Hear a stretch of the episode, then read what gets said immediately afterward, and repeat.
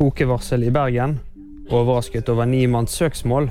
Og Adidas vil avslutte samarbeidet med Kanye West. 45 000 må koke vannet i Bergen. Vannledningsbrudd i Fyllingsdalen og Fana og Ytrebygda har ført til at Bergen kommune har utstedt kokevarsel. Samtlige berørte har fått SMS-varsel om å koke vannet etter at det kan ha kommet grøftevann i drikkevannet. Play Magnus Group overrasket over ni manns søksmål. I en uttalelse skriver de at de ikke mener det er noen grunnlag for anklagene til Hans Niemanns 100 millioner dollar-søksmål. Forrige uke ble det kjent at Niemann saksøker Magnus Carlsen og Play Magnus Group, som Carlsen eier 8,5% av, etter påstander om juks. En etterforskning utført av Chess.com har tidligere avslørt at Niemann har stått for omfattende juksing. Adidas avslutter samarbeidet med Kanye West. Det melder Bloomberg. Adidas vil i så fall bli siste i en rekke selskaper som avslutter samarbeidet med den kontroversielle rapperen.